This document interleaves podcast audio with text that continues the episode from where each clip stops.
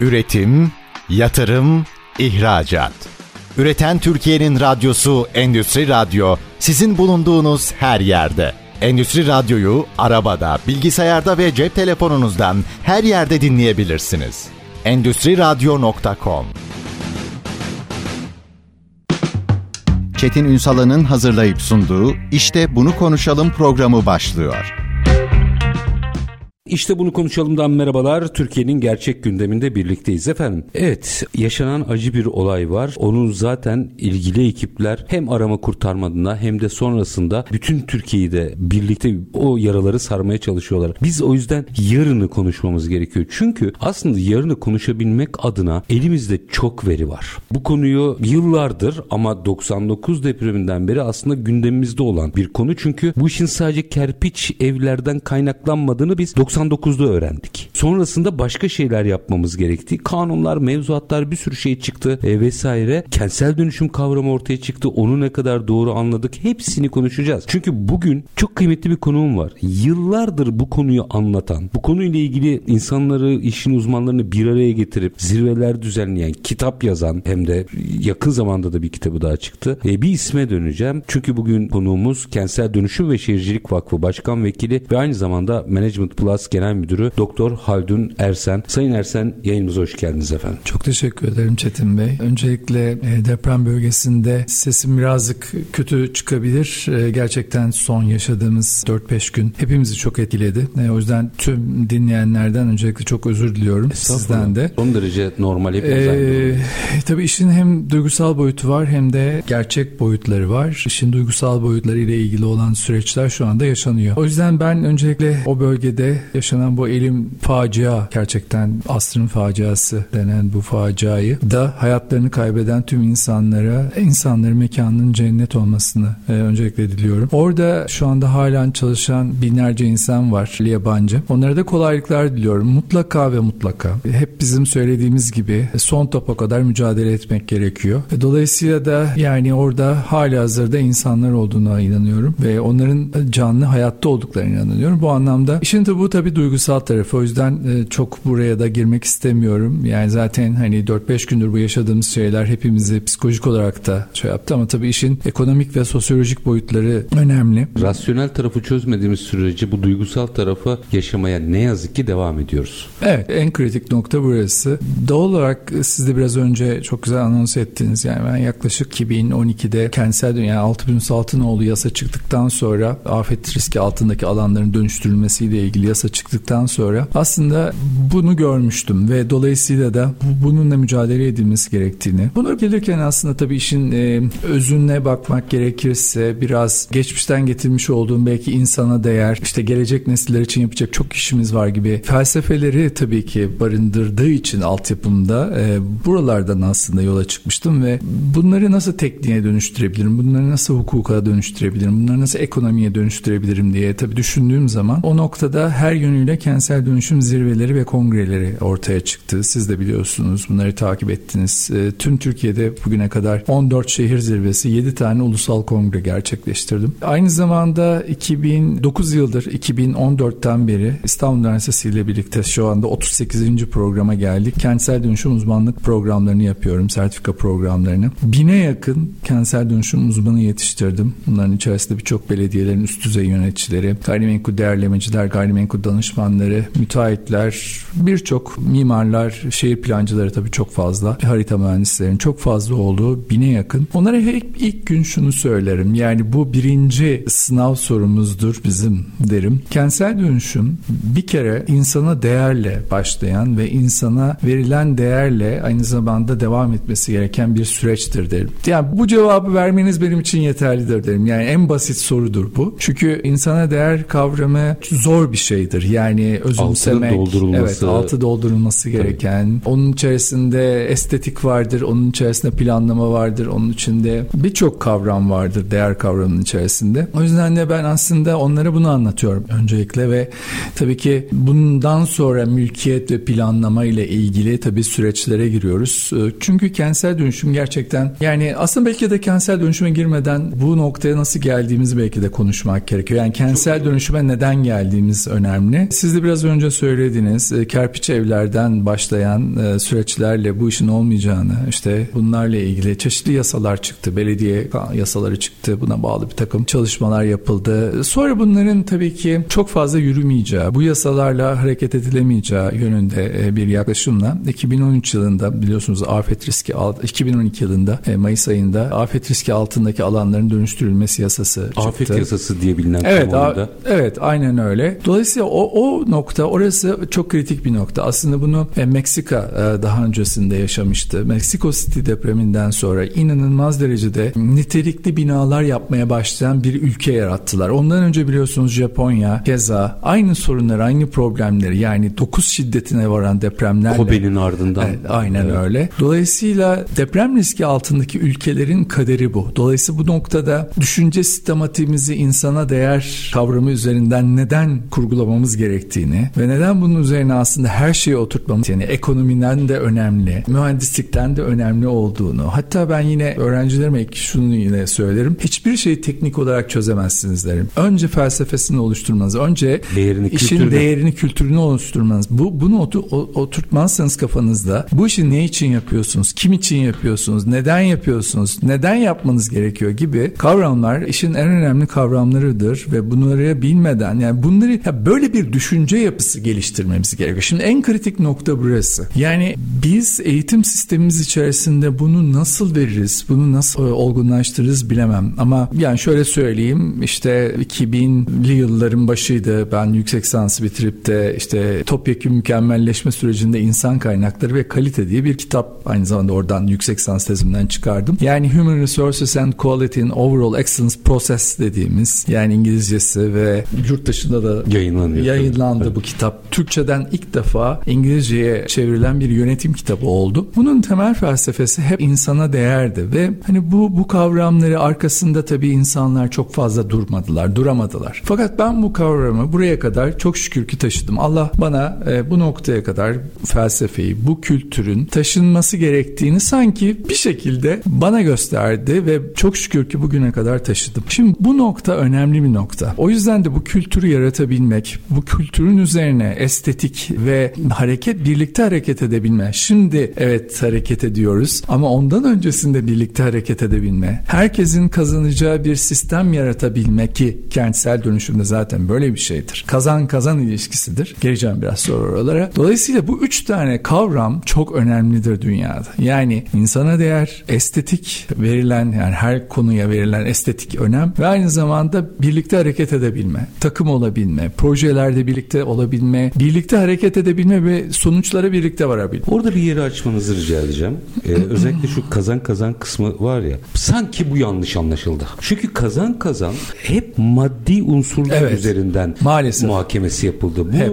sadece bu konuda faaliyet gösteren sektör mensuplarında değil aynı zamanda binasını dönüştürmek isteyen bu arada kentsel dönüşüm bina dönüşümü değildir. Onu da açmanızı rica edeceğim. Tabii. Ama binasını dönüştürmek isteyen mülk sahiplerinde de aynı şey oldu. Yani ilk planda ben çok iyi hatırlıyorum yola nasıl çıktık Türkiye olarak. Siz daha içindesiniz. Güvenli binalarda oturalım diye çıktık veya iş yerimiz olabilir. Ondan sonra çok canım acıyarak şuna şahit oldum ve o yüzden sizi yıllardır takip ederim çünkü bunun tam tersini anlatmaya çalışıyorsunuz yıllardır. Ya benim şimdi binam dönüştüğünde değeri ne olacağı döndü hikaye. Evet tabii bu bu bir e, realde var olan bir şey tabii, tabii ama tabii. ondan önce aslında şu bakın Çetin Bey şimdi artık çok net değişimler yapmamız gereken bir zaman. Bu söylediğim şey biraz önce söylediğim şey insana değer kavramı ve buna bağlı olan tüm süreçlerin iyileştirilmesi artık kalıcı bir şekilde uygulanması gereken bir yaklaşım. Yani bu depremi yaşadıktan sonra bizim artık geriye dönüp de aynı hataları yapmaya yani biliyorsunuz hani bu aynı hataları tekrar yapıyorsan hani delisin derler. Albert evet. Einstein öyle yani der. sen aptalsın ya da delisin derler. Yani biz aynı hataları eğer aynı şekilde yapacaksak e, bütün bunları konuşmamıza gerçekten gerek yok. Ben çünkü hani siz de takip etmişsinizdir. E, sosyal medyada o gün de doğum günümdü ağlıyorum ve hani ne yap yani bir şey yapamadığın yapamıyorsunuz ve diyorsunuz ki bütün bunları bunları yapıyorsunuz ama sonuçlar bunlar olmamalı. Dolayısıyla ben kendimde çok büyük bir aynı zamanda hata aradım o, o sabah. Neyi yapamadık da anlatamadık, neyi gerçekleştiremedik. O yüzden bunların artık bu felsefelerin, bu yaklaşımların daha ciddi, daha oturaklı ve bu işi gerçekten yani gerçek insanlar tarafından yönetilmesi gereken süreçlerdir bunlar. Bakın gerçek olmak ne demek? Hani gibi bir kavram. Çok hı hı. tabii şey bir kavram yani geniş bir, e, kavram. geniş bir kavram ama gerçek olmak demek altını doldurmak demek. Gerçek olmak demek yıllarca e, o konuda çabalar göstermek demek, dertlenmek demek. Yani bunların hepsi gerçek olmaktır. Yani geçmişteki gerçek olmanın temelinde e, altının dolu olması yatar. Ki hani gelecekte de zaten hani dertlenmek dediğimiz şey bunu harekete geçirebilmektir. Şimdi o yüzden de kentsel dönüşümde buradan artık geri dönmememiz gereken çünkü 24 milyon e, bizim toplamda binamız var ve bu 24 milyonun %70'inin biz riskli olduğunu kabul ediyoruz. Şimdi bu çok ağır Hiçbir bir şey. şey olmasa yaş itibariyle. Aynen öyle. Yani zaten özellikle korozyona yani özellikle 99 öncesi yani ben size bir veri daha vereyim. 99 öncesi maalesef Türkiye'de mühendislikten ve mimarlıktan faydalanma oranı %17'ymiş. Yani yarım çavuş yarım kalfa diğer konuya girmek istemiyorum. Yapılan bir işmiş yani. Yani Bu biraz düşünebiliyor musunuz? Şey, işi ciddiye alıyorsa o bir kredibilite gibi mi? Mühendis kullanma evet, falan evet, mı? %17. %17'ymiş. Yani düşünebiliyor musunuz? 99'a kadar. Yani bu ne demek? Fenli ve e, mühendislik çalışması yapılmadan yapılan binalarla dolu bir ülkeye sahibiz. Ve bunları dönüştürmediğimiz zaman da, bunları geliştirmediğimiz zaman da doğal olarak bu riskleri her zaman yaşıyor. Bir de tabii ki daha öncesinde jeoloji mühendisliği ya da jeofizik mühendisliği bu kadar gelişmediği için doğal olarak nereden fay geçtiğini, nasıl olduğunu da bilinmediği için şehirlerde maalesef bu tip şehir kurulumları ovalara işte ya da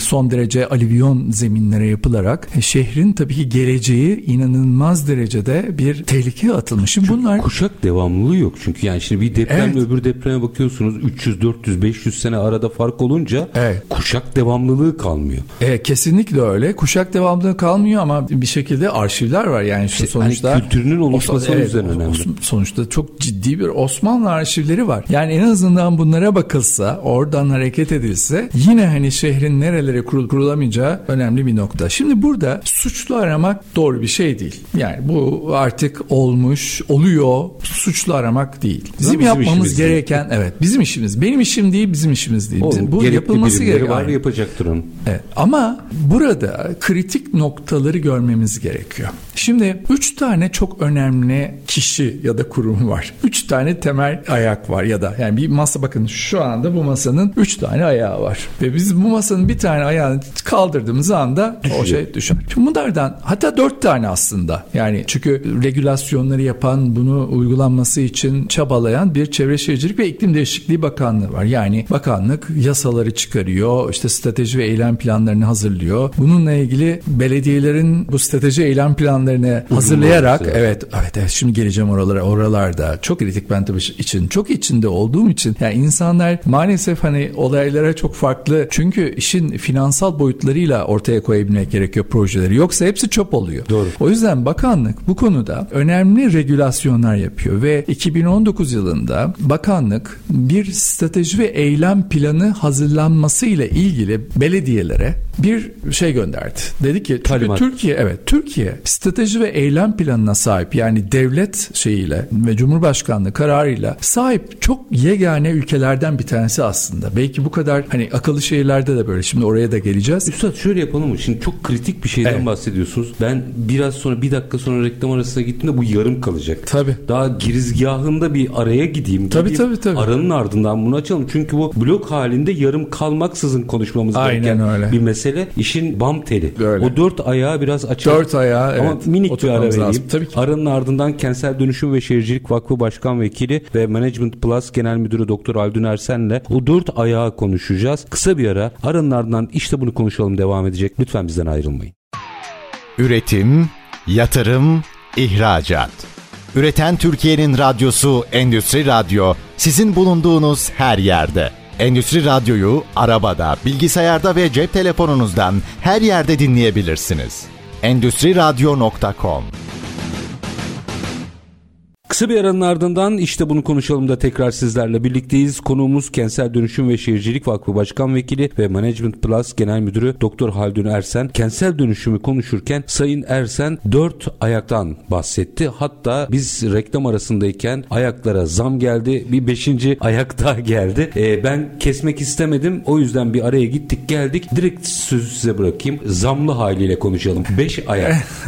Zamlı halini tabii çok şey yapmak belki yani ona son aşamada belki hı hı. değinebiliriz. Şöyle çünkü o biraz daha farklı yani o biraz dertlenenleri aslında ortaya çıkarabilme becerisi yönünde. Sorumluluğu evet, diyelim sorumluluğu gereken. Ki evet onu bulabilmek ve o performansı gösterebilmek için de aslında hani çok ciddi bir bakış açısı ve gerçekten ona o kişilerin de inanması gerekiyor. Onlar inanmazsa o olmaz. Şimdi öncelikle birinci ayak tabii ki önemli. Bak dedim ya bakanlık bu konuda birinci önemli ayak. Ee, dediğim gibi biz suçlu aramıyoruz. Sadece bu ayakların birbiriyle ilişkili çalışabilmesi ve buradan e, geliştirebileceğimiz bir buradaki eksiklikleri nasıl tamamlarız? Buradaki entegrasyonlarla nasıl bu sonuçları bir daha geriye dönmeyecek şekilde nasıl etkinleştirebiliriz? Yarın Bunu ağlamayalım diye konuşuyoruz. Aynen öyle. Bu kadar basit. Belki de şu anda bu kaydı aldığınız şey bizim için sürekli belki de dinlememiz ve hatta benim de sürekli dinleyip belki bunun üzerinde ya eksikler kalmış falan diyebileceğim bir yayın olabilir. Çünkü ilk defa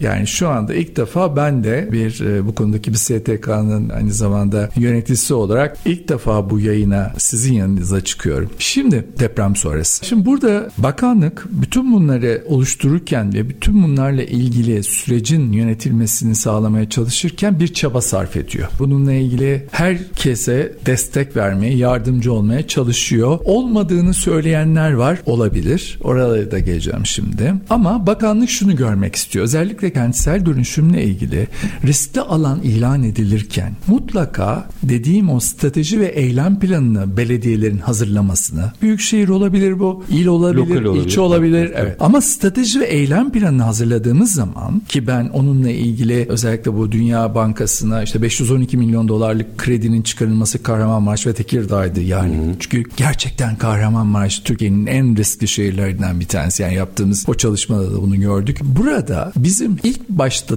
data alma yönünde hareket kabiliyetlerimizi belirleyen şey o şehrin ya da o ilçenin strateji ve eylem planları. Zaten onlar varsa data var. Şimdi burası çok kritik bir şey. Data, veri dediğimiz şey zaten sizin oradaki o şehrin bütün altyapıdaki, üst yapıdaki, demografik yapıdaki tüm verilerini, sosyolojik yapıdaki tüm verilerinizi veriyor. Şehrin fotoğrafını çekiyor. Aynen öyle. Ve bakanlık diyor ki kardeşim bunu bana belediye olarak göndermelisin. Ama bunu gönderirken aynı zamanda bunun finansal modelini oluşturmalısın. Neden? Çünkü 2019 yılından önce yani strateji ve eylem planı çıkmadan önce belediyeler riskli alan ilan ediyorlardı. Bakanlığa gönderiyorlardı. E şimdi bir bakılıyor finansal modeli hiçbir şekilde yani siz bir ekonomi yazarısınız. Şimdi finansal modeli düzgün olmayan bir işte bakın biz o 512 milyon doları Sayın Hocam Ali Epşen Hocam'la birlikte finansal modelini oluşturduğumuz için alabildik oraya. İlke şudur finansmanı oluşmayan hiçbir şey Heh. proje değildir. Fikirdir. Ama finansal model tekniği tamamlamak zorunda. Hı hı. Teknik de o, o şehirdeki, o ilçedeki altyapıyı, ona bağlı olan problemleri, ona bağlı afet riskini ortaya koyabilecek tüm dataları oluşturur.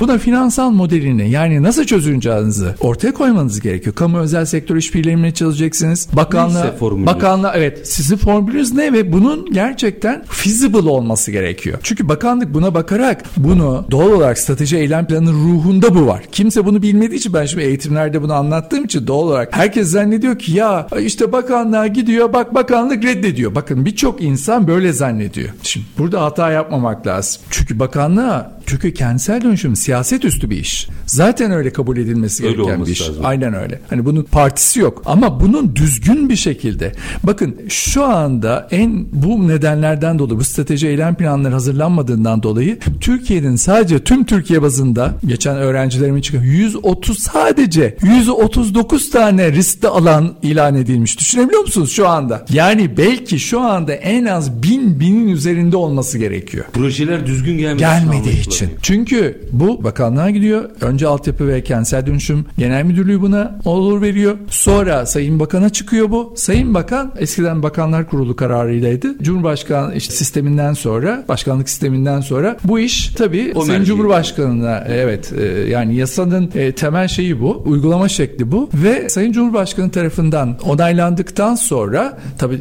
Sayın Cumhurbaşkanı detayına bakamaz. Sayın Bakan'ın göndertürdüğü şey detaya bakabilir. Onlar da tabii çok ince elemek zorundalar. Çünkü Sayın Cumhurbaşkanı imzalıyor. Aslında bakan da bakamaz ki. O başkanı Aynen. projenin genel doğru gelmesi. Genel müdürün tabii. Genel, genel müdürün ve altı aşağıda doğru gelmesi aynen, doğru gerekiyor. gelmesi gerekiyor. O çok kritik. O yüzden de belediyelerin neden ikinci ayakta, operasyonel ayakta çünkü belediyeler. Yani regülasyonlar ayrı bir şey. Bakanlığın elinde ama operasyonlar ve operasyonların projeye dönmesi yani ete kemiğe bürünmesini sağlayacak olan belediyeler. Şimdi orası maalesef ben şimdi Türkiye Belediyeler Birliği'de de bu eğitim mesela bugün ayın onu. Bugün onu. Onu. Dün mesela ertelendi bu eğitim. Belediyelerde kentsel dönüşüm strateji ve eylem planlarının hazırlanması eğitimim vardı. Bakar mısınız? Yani dün bu eğitimim vardı ve de ertelendik. Çünkü Türkiye Belediyeler Birliği'ndeki arkadaşlar sahada Herkes sahada. erzak e, yardımı yapıyorlar. Bunun Belediyeler Birliği tarafından da ne kadar önemsendiğini ve belediyelerin bunu anlamalarını sağlamamız o kadar önemli ki. Tabii burada önemli noktalardan bir tanesi aynı zamanda belediyelerin bu işe inanması. Yani sadece strateji eylem planı hazırlamak için önce inanmak gerekiyor. Biraz önce dediğimiz şey hani gerçek olmak ve inanmak. Yani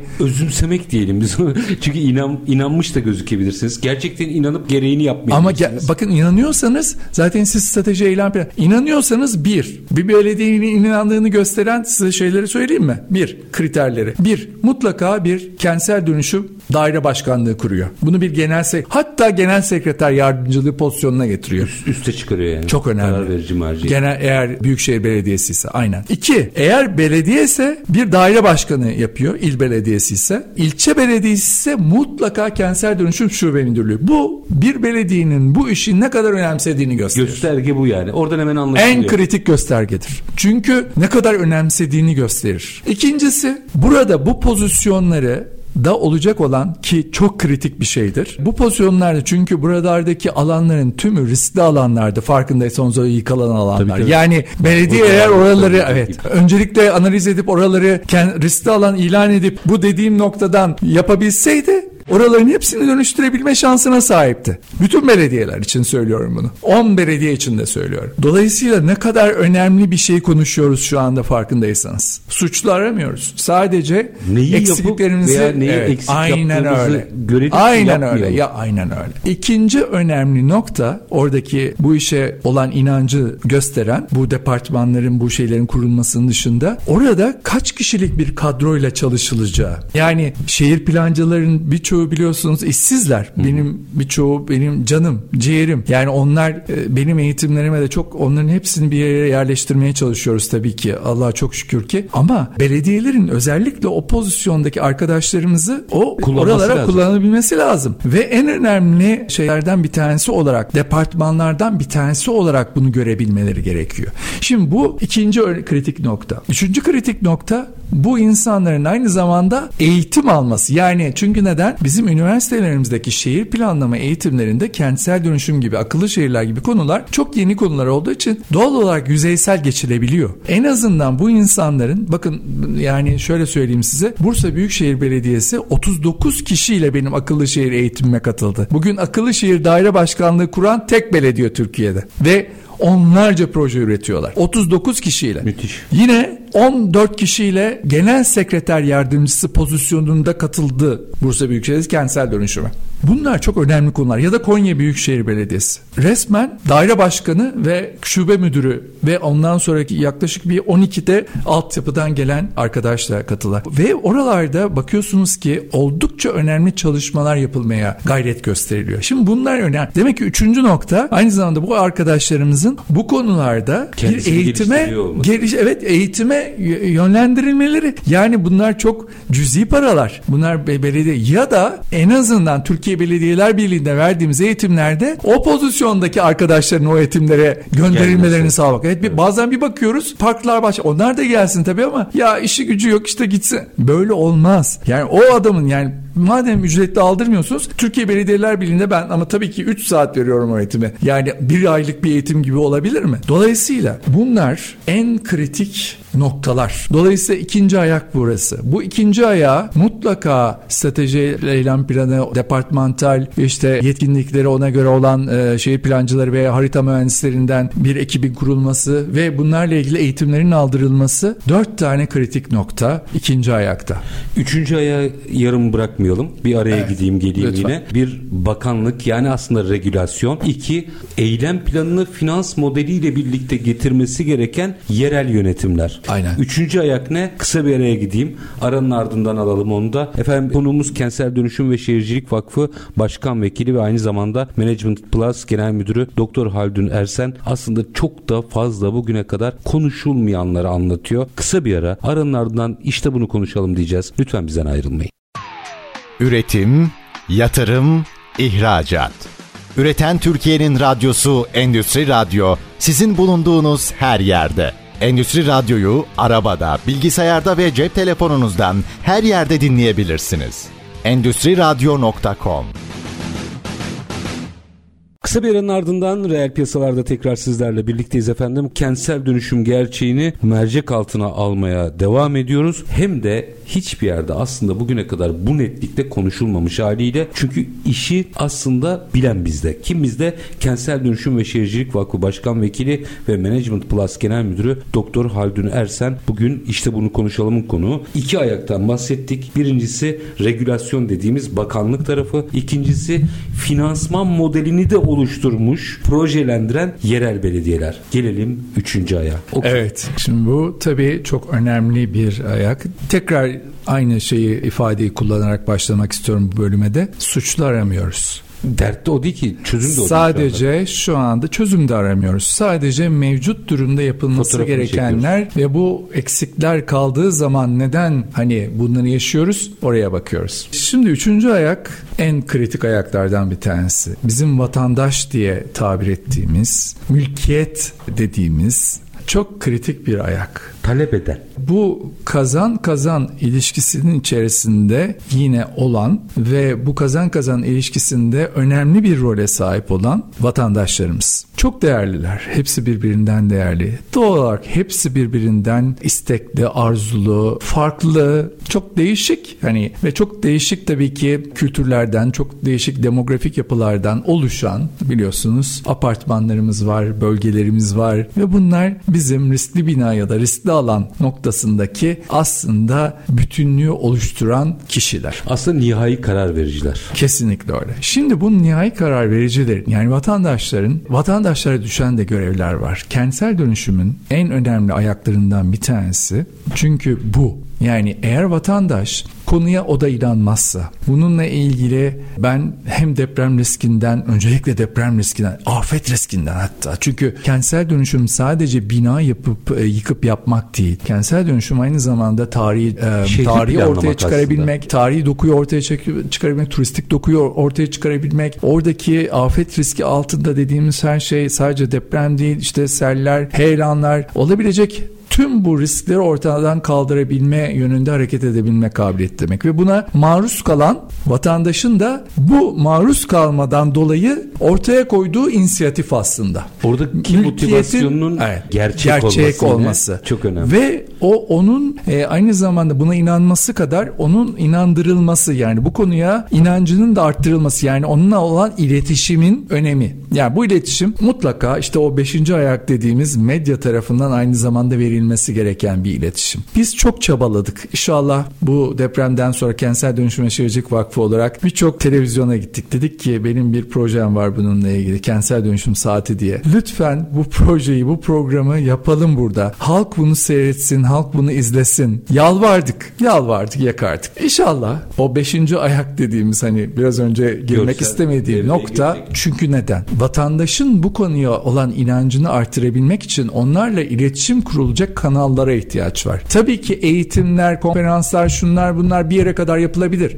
Ama onlara görsel medya kadar ya da yazılı medya kadar siz de çok iyi biliyorsunuz. Çok net bir şekilde ortaya koyabilecek e, bir onları ikna etmek için bir e, yapı mecra. olabilir mi? Mecra yok. Dolayısıyla burada demek ki beşinci ayak yani medya ayağıyla mülkiyet ayağını bir araya getirebilecek o iletişim ve onlarla olan halkla iletişim diyoruz biz buna en basit tabiriyle ve onların bu konuya inancının arttırılması gerekiyor ki mülkiyet muvaffakat verirse her şey çözülüyor. Yani şundan tabii vazgeçmek gerekiyor. Çünkü olabilecekler var. İmar artışıyla ya da emsal artışıyla biz bu işin çözülmesini istemiyoruz. Bu bir rant işidir. Biz böyle çözülsün istemiyoruz. Riski de ortada Biz, evet zaten o biliyoruz bu şu anda yaşananların en büyük problemlerinden bir tanesi bu. Bizim orada istediğimiz şey aynı metrekare belki olmasa bile belki biraz küçük çünkü orada her işte kazan kazan burada devreye giriyor. Şimdi bir müteahhitin bir işe girebilmesi için bu işin feasible olması gerekiyor. Yani nasıl bakanlık belediyenin işini okeylemesi için feasible olması gerektiriyorsa yani buradaki e, dengelerin yani bir binanın oturması yani biliyorsunuz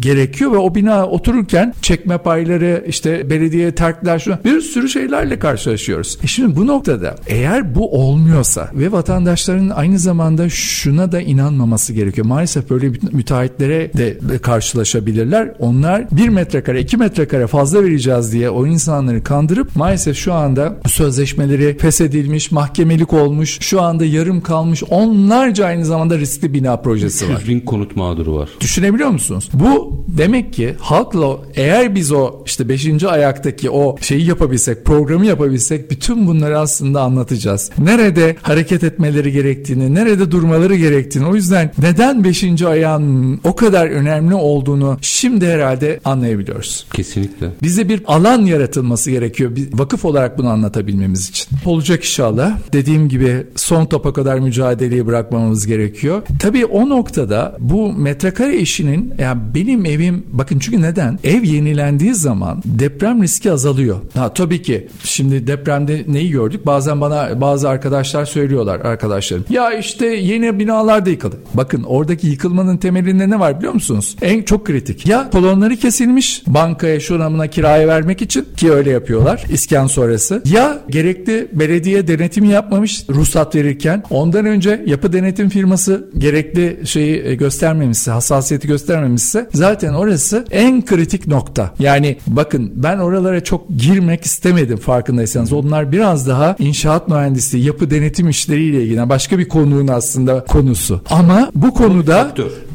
faktör. Yani şeyi artık tartışmamız bilinmesi gereken. Tartışmamıza gerek yok. Binanın doğru yapılması meselesini Mü, Mülkiyet tarafından yok. bilinmesi gereken de bir faktör. Yani ben alıyorum ama alırken nasıl araba alırken her türlü detayına bakıyoruz. Ev alırken de tabii ki bütün bunlara anlayabildiğimiz kadar bakabilmek de işin bir tarafı ama belediyenin ya burada ikinci ayağın şeyi var ki ruhsat verirken buraya dikkat etmesi. Çünkü yapı denetimden de maalesef geçmiş olabilir. Bakın işte gördük Hatay'da yeni binalar rezidans diye yapılmış yapılmış olan binaların evet ama 99'a 1 yani %99 e, özellikle İyi tabii ki 2001'den sonra yapılan yani 99'da ders almışız mevzuat kanun çıkartmışız 10 ilin 8'inde %50'ye yakın. Aynen öyle. Dolayısıyla da burada tabii ki 99 sonrası evet yani yine bir risk var tabii onu da kabul ediyoruz biraz önce verdiğim rakamlardan hareket ederek ama yeniledikçe farkındasınız riski azaltıyoruz. Meksika da böyle yapmış. Japonya da böyle yapmış. Böyle çözmüşler. Yenileyerek çözüyorlar. Ve dolayısıyla doğru yenileme, doğru yenileme ve imarla emsalle değil yani doğru inşa teknikleriyle ve aynı zamanda biraz önce söylediğim o